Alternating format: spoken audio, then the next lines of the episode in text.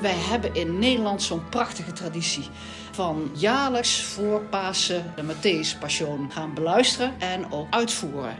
Die traditie die hebben we bij eh, het Philipskoor al sinds 1948. De laatste jaren met Kamerorkest Alviaren. En ook een vaste evangelist. En die hebben we uitgenodigd vandaag. Wij zijn Pieter Jansen van Kamerorkest Alviaren en Ida Verhaar van het Philipskoor. En die evangelist is Maarten van der Hoven. En die hebben we uitgenodigd omdat het ons verbaast dat uh, de Matthäus Passion altijd blijft boeien. Hoe kan dat? Ja, ik denk dat dat logisch is als je kijkt naar hoe het stuk in elkaar steekt, uh, in zijn totaliteit. Uh, de afwisseling die je hebt met koren, met recitatieve, met uh, orkestrale momenten die zeer intensief zijn.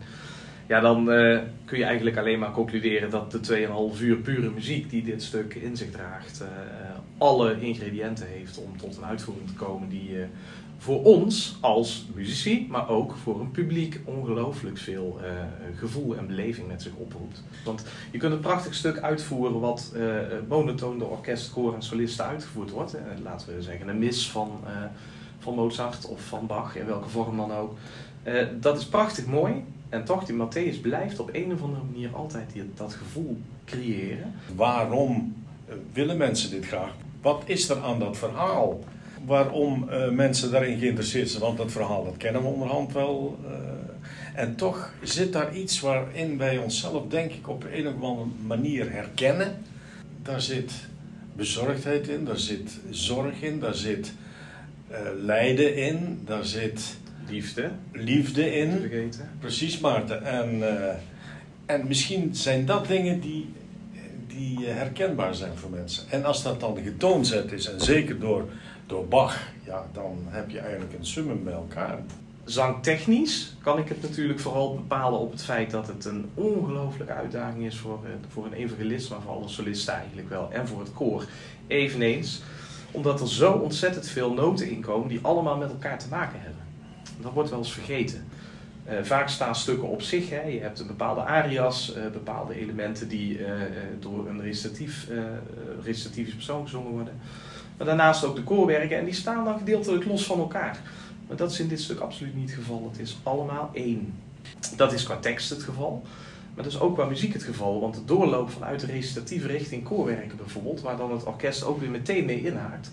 Ja, dat soort dingen, dat is niet een, uh, een los een losse eenheid van twee delen, maar het is een, een eenheid die zijn totaliteit kent. En dat hoor je eigenlijk door het stuk heen. Je wordt constant meegetrokken als één lange lijn van frasering door het stuk heen. En één lange beleving die je meemaakt. En dat vind ik ook het meest bijzondere aan deze, uh, deze mooie muziek. Die toch al heel veel jaren bestaat. Ja. ja. En waarbij jij dan als evangelist eigenlijk steeds die rode draad, het, het Matthäus-verhaal steeds doortrekt. Ja, absoluut. Je vertelt eigenlijk wat er rondom het uh, gehele lijdensgebeuren van Jezus Christus gebeurt. En alles wat uh, uh, verteld dient te worden buiten de, de significante religieuze tekst om, wordt eigenlijk door de evangelist verteld. Het tussen aanhalingstekens gewone verhaal. en ja, als je kijkt naar hoe zich dat verbindt, dan ben je inderdaad een verbindende persoon tussen orkest, koor, andere solisten die daar weer op inhaken met hun teksten van de verschillende aria's. Um, die verbinding die maakt dit stuk constant blijvend boeiend. En dat is ongelooflijk dat dat kan. Het is grappig, heb ik me inderdaad nooit gerealiseerd. Maar het is de muziek die, die, die via jou doorloopt. En uh, vaak zijn er meer beschouwelijke stukken, hè, aria's. En dan uh, weer daadwerkelijke bijbelteksten die gezongen worden. Eh, de koralen ertussen als een soort adempauze en een, en, een, en een herkenningspunt voor het publiek. Maar dat wordt eigenlijk aan elkaar gesmeed door uh, jouw gezongen verhaal. Hè? Ja, dat is, is gewoon zo opgezet door Bach. En dat blijft, dat is één ding. Dat zijn geen meerdere losse zaken die zich uh, afspelen. Maar het is één groot ding wat daar, wat daar speelt. En het is altijd en ten altijd de bedoeling dat het orkest, koor en solisten allemaal samen en dirigent daar ook doordrongen van zijn. Dat het één lange lijn is die die muziek laat leven van het eerste begin tot de laatste noot. Ja. En die sfeerbeleving die blijft altijd constant doorlopen. In tegenstelling tot vele andere stukken waar ik uh, al uh, ervaring mee heb. Is dat dan ook een verschil tussen de Matthäus en andere oratoria? Gedeeltelijk wel.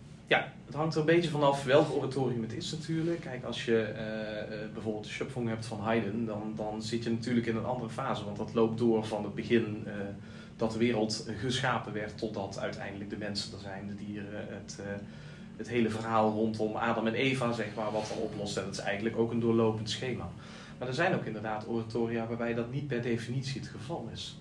De Matthäus is daar extreem in, laat ik het zo zeggen. Die maakt dat extra bijzonder, dat die verbinding er constant is. En ja, goed, hoe dat zich dat blijft ontvouwen, iedere keer weer, ja, ja het is, uh, het is ongelooflijk maar waar. En uh, je moet het eigenlijk ervaren, denk ik. En ik weet niet hoe jullie daar tegenaan kijken als uh, zangeres binnen een groot koor, maar ook als, als orkestraal iemand natuurlijk. Van hoe ervaar je dan die, die constante doorloop, zeg maar, de constante focus die je hebt? Ja, die ervaar ik wel steeds, wat ik straks zei, door, de, door het verhaal wat er is. Maar als je dan ziet wat je eromheen geweven krijgt aan koralen, aan aria's, maar ook aan een beetje programmatisch bijna. Als jij bijvoorbeeld zingt in, bij, het, bij het verhaal van Petrus, eh, dan is dat echt niet heel deftig, maar dan probeert hij, uh, eer de haan kruien viert, dan hoor je die haan, hoor je kraaien. Hè? En als hij dan naar buiten gaat en hij en wijnende bitter ligt, dan, nou, dan hoor je, dan voel je dat janken van die man. Uh, dan komt hij weer heel dicht bij de mens.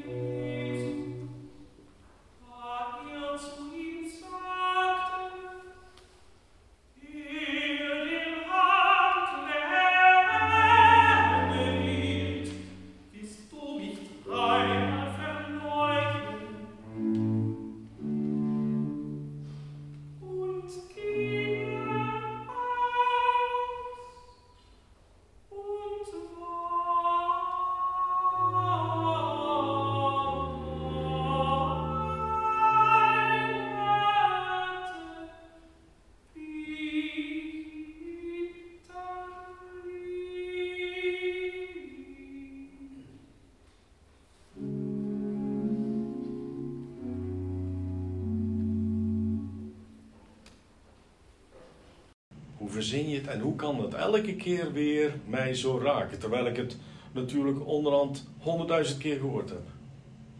Ja. En dat geldt voor jou ook. Ja, absoluut. En het zit bij mij niet alleen in de tekst, want dat verbaast me dus ook. Die tekst is natuurlijk in combinatie met de muziek, brengt emoties met zich mee. Maar uh, voor mij begint het al bij de eerste openingsnoten.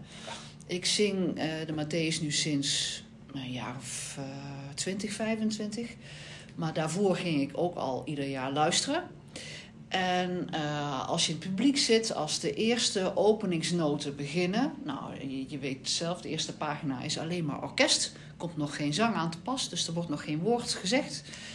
Maar die muziek begint en ik, nou, ik kan dat, dat komt aanrollen. Ik kan het bijna over het publiek zien rollen. Komt dat als een warme deken over het publiek heen. En dat begint bij de openingsnoten en dat, die deken die blijft daar drie uur. Dat zit dus ook in de muziek en dat vind ik zo frappant. Nog los van de woorden die we zingen. Ja, Hè? ja ik heb er ook als je dat, dat bassige geluid van het begin en dan denk je, nou, we pakken heel het publiek op ons rug en daar gaan we.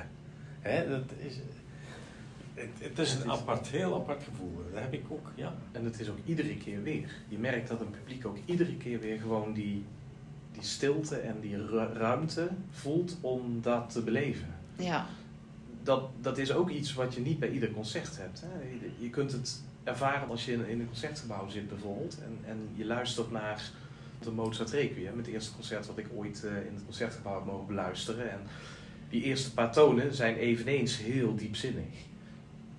Dat D-klein, dat, dat diepe fagotgeluid wat erin zit en, en die contrabassen die daarin komen op een gegeven moment. En dat, dan voel je wel een, een beleving, zeg maar. Iets, iets wat je nog niet eerder gekend hebt.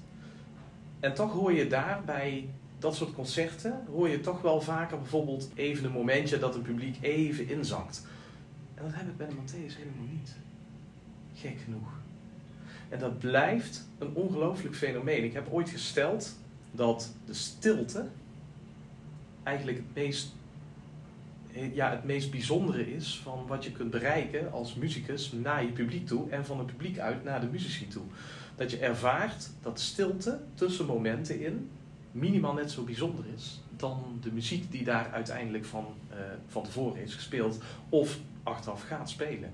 Uh, want je kunt het even laten bezinken. Even laten bezinken in je hoofd. Wat is hier gebeurd? Wat gaat er uiteindelijk weer gebeuren? Waar gaat het verhaal naartoe? En die momenten van stilte zijn voor mij ook wel heel belangrijk.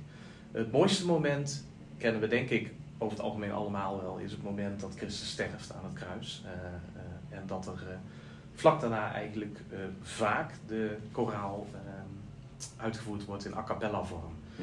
Maar tussenin, tussen het sterven aan het kruis en het inzetten van het koraal, meestal zo'n seconde of tien tussen pauze genomen wordt door de dirigent. Dat moment geeft zo'n aparte beleving. Ook voor mij als evangelist, want ik sta nog steeds op dat moment. Hè. Je, gaat niet zitten zodra je die laatste noot gezongen hebt, want het is het moment wat nog even beleefd moet worden. En dan blijf je daar staan en dat koraal wordt ingezet en heel langzaam ga je weer zitten. Het is geen snelle beweging, maar het is een, een langzame zit. Waarom doe je dat instinctief? Om even dat te laten bezinken. Niet omdat je dat wil doen of omdat je vindt dat het zo moet. Nee, gewoon omdat het overkomt. En je voelt het denk ik ook in, in, uh, aan het publiek, omdat die dan ook zelf muisstil zijn en bijna de adem inhouden. Hè? Vaak kun je dan een speld horen vallen op zo'n moment. Ja. Ik herinner me Absoluut. een van de uitvoeringen die Sander Tepen met ons deed. En het was afgelopen. En ik denk dat hij wel, nou een minuut is heel lang natuurlijk, maar toch wel bijna in die buurt bleef staan. En je voelde het publiek, je voelde je dat, moet je nou kijken wat daar gebeurde. Dat maakt zo'n indruk. Die stilte die er dan even is. En die stilte die is er ook na... Uh, het sterven van Christus. Na het sterven van Christus, ja. ja. ja het is, dat, dat zijn de mooie dingen van, van zo'n uitvoering. En dat kun je eigenlijk proberen uit te leggen. Je kunt het verwoorden, maar het echte gevoel kun je nooit voelen. Dat kun je pas voelen als je daar zit. Ja. En de beleving zelf meemaakt. Want... En je moet er ook live, vind ik. Ik hoor wel eens mensen zeggen: Oh, zo'n Matthäus, dat duurt, duurt zo lang, hè? Dat heb ik gehoord. Ja, het duurt wel wat lang. Maar dan zeg ik altijd: Jongens, als je dat mee wil maken, dan moet je dat live gaan beleven. En voel wat al die mensen om jou heen voelen. Dat kun je niet uitleggen. Gek hè, dat we het nu eigenlijk al een aantal minuten lang over eigenlijk gevoel en beleving hebben. Ja. ja. Maar dat is het ook gewoon. Absoluut. Maar kun je uitleggen als je in een koor aan het zingen bent, wat voor gevoel dat het is? Dat is anders dan bij een voetbalwedstrijd. Dan voetbal je samen naar iets toe. Maar jij koort, jij zingt en ik muziceer naar iets toe. En daar heb je iedereen om je heen voel je dat je die heel hard nodig hebt. Ja, ja en dan niet alleen met alle muzikanten samen, hè, maar ook met het publiek. Juist, en dan komt het publiek erbij. Ja. Dan voel je dat het publiek dat ook heeft. En die zitten, en dat zie je ook, als, uh, hoe dat die mensen dat zitten te beleven. Nou, ik heb meerdere mensen gehad die de afgelopen jaren voor het eerst zijn komen luisteren. Ik, uh, ik voer hem nu uh, sinds een jaar of zeven à acht met jullie uit. Dit is denk ik het mhm. achtste jaar zo'n beetje. Buiten corona omgerekend uiteraard. Ehm, uh, als je kijkt naar dat er een aantal mensen die ik uiteraard goed ken uit mijn vakwereld, maar ook uh, uit de amateurwereld waar ik als vakmuzikus in betrokken ben, zeg maar, uh, dat die zijn komen luisteren, er nog nooit van hadden gehoord, of er wel van hadden gehoord, maar nog nooit zijn komen luisteren. En die naar de rand naar mij toegekomen zijn en heel duidelijk aangaven dat dit een beleving was die ze nooit verwacht hadden. Ja. En dat ook dat is niet uit te leggen. Dat kun je alleen maar laten merken. En het ontwikkelt zich ook. Hè? Het blijft, het blijft uh, leven. Hè? Als je de uitvoering uit, uh, uit de 40er jaren kijkt, al, alleen al bij ons. Uh, en nou Ja, dan zie je Ja, die al- zijn heel anders, hè? Die zijn heel anders. Ons levenstempo, onze hartslag is al eh, sneller. Dus eh, we hebben de neiging om muziek ook sowieso al wat sneller eh, te, te gaan eh, uitvoeren. En eh, in die zin blijft het ook eigenlijk mee ontwikkelen met ons. Het, Als ik de opname bekijk die ik thuis op, eh, ja, toen de tijd CD nog heb, hè, tegenwoordig Ja. wordt alles gestreamd natuurlijk, maar eh, die je toen de tijd nog op CD kocht en dat je daar uiteindelijk naar luisterde. Dat was een opname uit de 80 jaren volgens mij. Dat is een totaal andere opname, veel, veel, veel ruimer. Nu zijn we geneigd om het wat intiemer te houden vaak. En die sfeer die je toen met die Matthäus opriep, was een heel ander soort sfeer dan nu. Ik moet zeggen dat ik me veel diep dichter voel bij wat we nu uitvoeren. Maar dat heeft vooral te maken met mijn stem die ik heb en, en de, de lyrische kant van de, de tenor zeg maar, die er is. Die veel beter past bij een intiemere uitvoering in mijn beleving dan bij een, een groots. eh, Wat mij betreft mag het wat meer eh, kleinschalig en beschouwend zijn. Zodat het, eh, het gevoel van wat dit verhaal met zich meebrengt niet eh eh, groots toneelmatig wordt opgezet. Maar dat het gewoon klein en duidelijk blijft bij de kern van, eh, van het geheel. Er is nog een ander element wat mij intrigeert. Ik hou van heel veel soorten klassieke muziek. Toch kan ik niet de hele dag naar bijvoorbeeld Mozart luisteren. Nou, toch ook een geniale componist zou ik zeggen. Zeker weten. Ik kan wel de hele dag naar Bach luisteren. Herkennen jullie dat? En waar komt dat vandaan? Ja, dat is eigenlijk best een goede vraag. Dat is een goede vraag. Ik Want herken het. ik- Ik herken het zeker, want Bach kan ik inderdaad altijd hebben. En eh, een, een romantische componist dat vind ik dan even leuk. En, eh, maar dan denk ik, nou ja, goed, nou iets anders. Ik zit eh, te, te luisteren naar Glenn Gould. Dan denk ik, de piano die bestond in die tijd bij, bij Bach nog niet. Dus hij zal zich die speciale toon daarvan zal hij zich niet voorgesteld hebben. Maar als ik dan zie hoe die met de pianotechniek die je hebt en de, en pianomogelijkheden die er zijn, eh, gewoon eh, mechanisch, dat je bepaalde dingen eruit kunt laten komen die belangrijk zijn. Het thema bijvoorbeeld, wat je steeds op kunt laten lichten. En, en dat doet hij meesterlijk. Dan denk ik, oh wat zit dat knap in elkaar. Misschien is het dat ook. Nou, Bach zit wel van nature, laat ik het zo zeggen. eh, het heeft allebei zijn waarde, Mozart en Bach. Maar Bach zit complexer in elkaar. Sommige mensen, denk ik, hebben meer van nature met Mozart. Maar als je wat dieper in de muziek kunt denken en, en meevoelen, dan denk ik dat Bach eerder vanwege zijn complexiteit hè, die erin zit, de verschillende fugas die je regelmatig ziet, eh, de orchestratie die altijd eh, net even eh, bijzonder is ten opzichte van de zang, waar het net niet helemaal samenvalt en toch ook weer wel.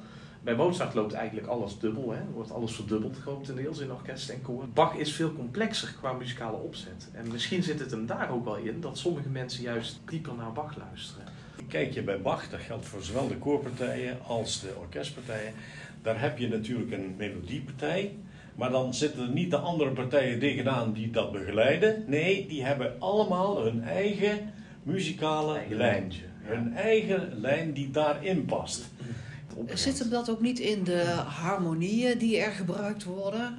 Ja, de harmonieën zijn, zijn niet letterlijk harmonisch homofoon gesteld natuurlijk, maar komen los door elkaar heen. Hè. Die polyfonie die Bach uiteindelijk toepast, zorgt ervoor dat je eigenlijk constant iets te horen hebt. Hè. Bij Bach zit er nooit een pauzemoment tussen. Maar in de meeste koorwerken heb je altijd dat moment waarop je geeft en weer terug kan nemen.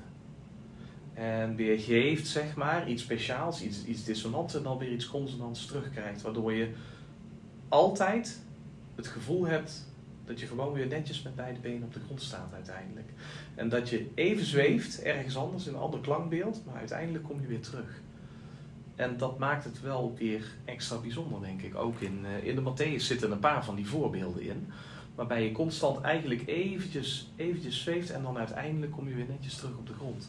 Er zit één heel mooi voorbeeld in voor mij persoonlijk in de Matthäus. Dat is eigenlijk ook mijn hoogtepunt zeg maar, van het stuk. Waarbij ik ook merk dat ik een soort zweverig gevoel krijg. Ja, het klinkt even heel eh, diepzinnig, maar eh, zo bedoel ik het niet. Een zweverig gevoel in de zin van de beleving van dat moment. Dat is het, eh, het recitatief uh, rondom die sechste stunde. Uh, vrijwel tegen het einde dat Christus sterft, zeg maar. Uh, rondom die sechste stunde war eine Finsternis über das ganze Land. Was er een duisternis over het hele land tot aan het negende uur, bis aan der neunte Stunde. Und um der neunte Stunde, op het moment dat dat gebeurde, schrie Jezus luid. Schreeuwde hij luid. Eli, Eli. En waar zit dan de dissonant? Eigenlijk op het woordje luid. Und um die neunte Stunde schrie Jezus luid. Dat hij echt even ineens die enorme hoogte pakt.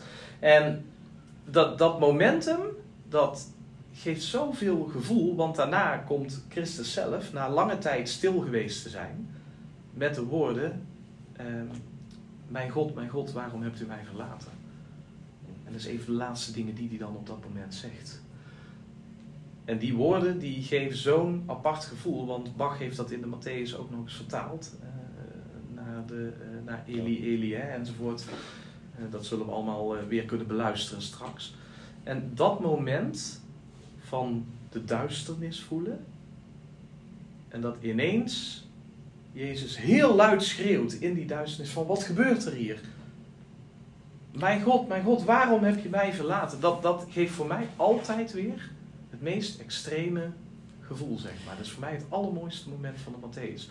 Maar dat praat ik ook vanuit mijn functie als evangelist. Dat kan ik niet ontkennen. Nee, maar dat is natuurlijk ook wel een heel mooie eh, illustratie van hoe de muziek en de toonzetting ook is gebruikt om dat loud, om dat gestalte te geven. Het springt er ineens uit qua toonhoogte, qua Ja, sterkte, maar ook ineens een vreemd, onverwachte. het is totaal onverwacht. Want het Nood, begint heel hè? klein. Om vervolgens binnen een, nou, een, een seconde of anderhalf tot twee ineens over te Ja. schakelen tot een gigantische uitbarsting. En dan heel verstild. Onverschiet. En dat hij dan weer gewoon uiteindelijk helemaal eh, stil. naar terug gaat op het moment dat het, dat het stervende is. En dat hij Ja. daadwerkelijk sterft. Nou, dat Die- contrast is natuurlijk prachtig. Hè? Ja, absoluut. En, en als je ziet hoe Bach dat dan heeft getoond, als je kijkt naar de manier hoe hij dat heeft gedaan. Ten eerste die evangelist, die Christuspartij die daar met een paar woorden nog tussendoor komt. Heeft in het tweede deel van de Matthäus na de pauze een moment eigenlijk vrijwel niets meer te doen. Hè? En dan ineens komt hij even op met ja, de meest markante woorden die daar zijn. Om vervolgens te sterven en over te gaan in het koraal, wat dan het, eh, het koor weer zingt. eh, en ich einmal zo'n scheiden, dat, dat, dat, dat op het moment dat je van deze wereld scheidt, zeg maar. eh, en dat je dat dan ja, mag beleven op zo'n moment. Waarna dan alles even puur gewoon verstild is. En dat is voor mij het mooiste moment van deze passie. En ook dat, maar ook daar kun je ineens even als publiek totaal verstild van zijn. Kun je als koor en orkest even stil zijn en even niets meer denken, ogen sluiten. Ja, dat herken ik helemaal. Je ontkomt dan, je ontkomt niet aan de emotie, als je het al zou willen. Maar zelfs eh, als je eh, dit nog nooit hebt gehoord, hè, die emotie die voel je en die beleef je echt. Ja, Volgens mij hebben we dat als gezamenlijke conclusie, mag ik dat zo zeggen? Dat het de intense emoties zijn in, in het hele stuk, in de woorden, maar ook in de muziek, eh, in, de, in de toonzetting op zich, die eh, het publiek onherroepelijk meenemen, maar die ook ons muzikanten onherroepelijk meeneemt. je doet het Eh, samen. Nou, maar ik heb ook altijd duidelijk het gevoel dat het niet alleen ons betreft, de, de koren en de, en de muzici, maar ook het publiek. Daar heb ik altijd dat gevoel bij dat, die mensen, dat we die mensen vastpakken. Dat we, dat we samen iets aan het beleven zijn. En of Ja. wij dat nou zijn als zanger of als, eens. als muzikus of als... als het, Absoluut. Het is één... Die ruimte is iets wat, wat ik niet kan definiëren, waarvan je zegt van nou, dat beleven we met z'n allen op een ontzettend heerlijke, gevoelige manier. We zouden er niet hetzelfde uitvoeren als er geen publiek bij zou zijn. Nee. nee. Nee, want je niet. wil, Nee. je wil Nee, het publiek erin meenemen en eh, dat is er ja, Ja. onlosmakelijk onderdeel van. Ja, zeker. Hebben jullie het daar ook al wel met jullie mede-koorleden en mede-orkestleden vaker over, zeg maar? Wat dat dan is? Wat die Matthäus iedere keer toch weer tot leven brengt? Nou, of niet specifiek? Niet specifiek. Bij ons als eh, orkest niet specifiek. Wel dat als je zegt van we gaan het meteen doen, jongens, eh, wie is erbij? Dat je eigenlijk, eh, ook al moet je, want je moet natuurlijk vaak, het is een, een dubbel orkest, je moet vaak mensen erbij vragen, want anders kun je Ja. dat zelf niet in één keer bezetten. Zo gemakkelijk aan, aan eh, deelnemers krijgt die dat ook ambiëren. Of al je zeggen van nou is er volgend jaar een plaats. Of wil je ze in de gaten houden? Ik zou hem zo graag, ik heb dat nooit gedaan, ik zou hem zo graag een keer mee uitvoeren. Wil je ze in de gaten houden dat ik, dat ik erbij mag zijn? Ja, dat is... Dat is bij ons net zo. En eh, we hebben eh, ook eh, ieder jaar wel wat projectleden die meedoen. Ehm, dan melden zich vaak ook oud-leden nog weer eens. Mag ik nog eens een keer mee? En wat leuk is, is dat we dit jaar ook heel veel jonge mensen erbij hebben. Waaronder enkele studenten die meedoen. Dus je merkt dat het blijvend een aantrekkingskracht heeft. Ja. Nou, volgens mij is de conclusie dat kom vooral luisteren. Zeker. Misschien moeten we het zomaar afsluiten. Kom het samen beleven. Kom het samen beleven. Ja, het is meer dan luisteren, want het is uh, iets wat heel actief nodig is. Het publiek bij deze uitvoering, dat is ook onze conclusie. Uh, wil je deze wonderbaarlijke muziek zelf ervaren? Kom vooral luisteren en kom onze uitvoeringen beleven in de weken voor Pasen. Wil je meer weten? Kijk op de website www.philipscore.nl. Dank jullie wel voor dit gesprek. Ja, dank je wel.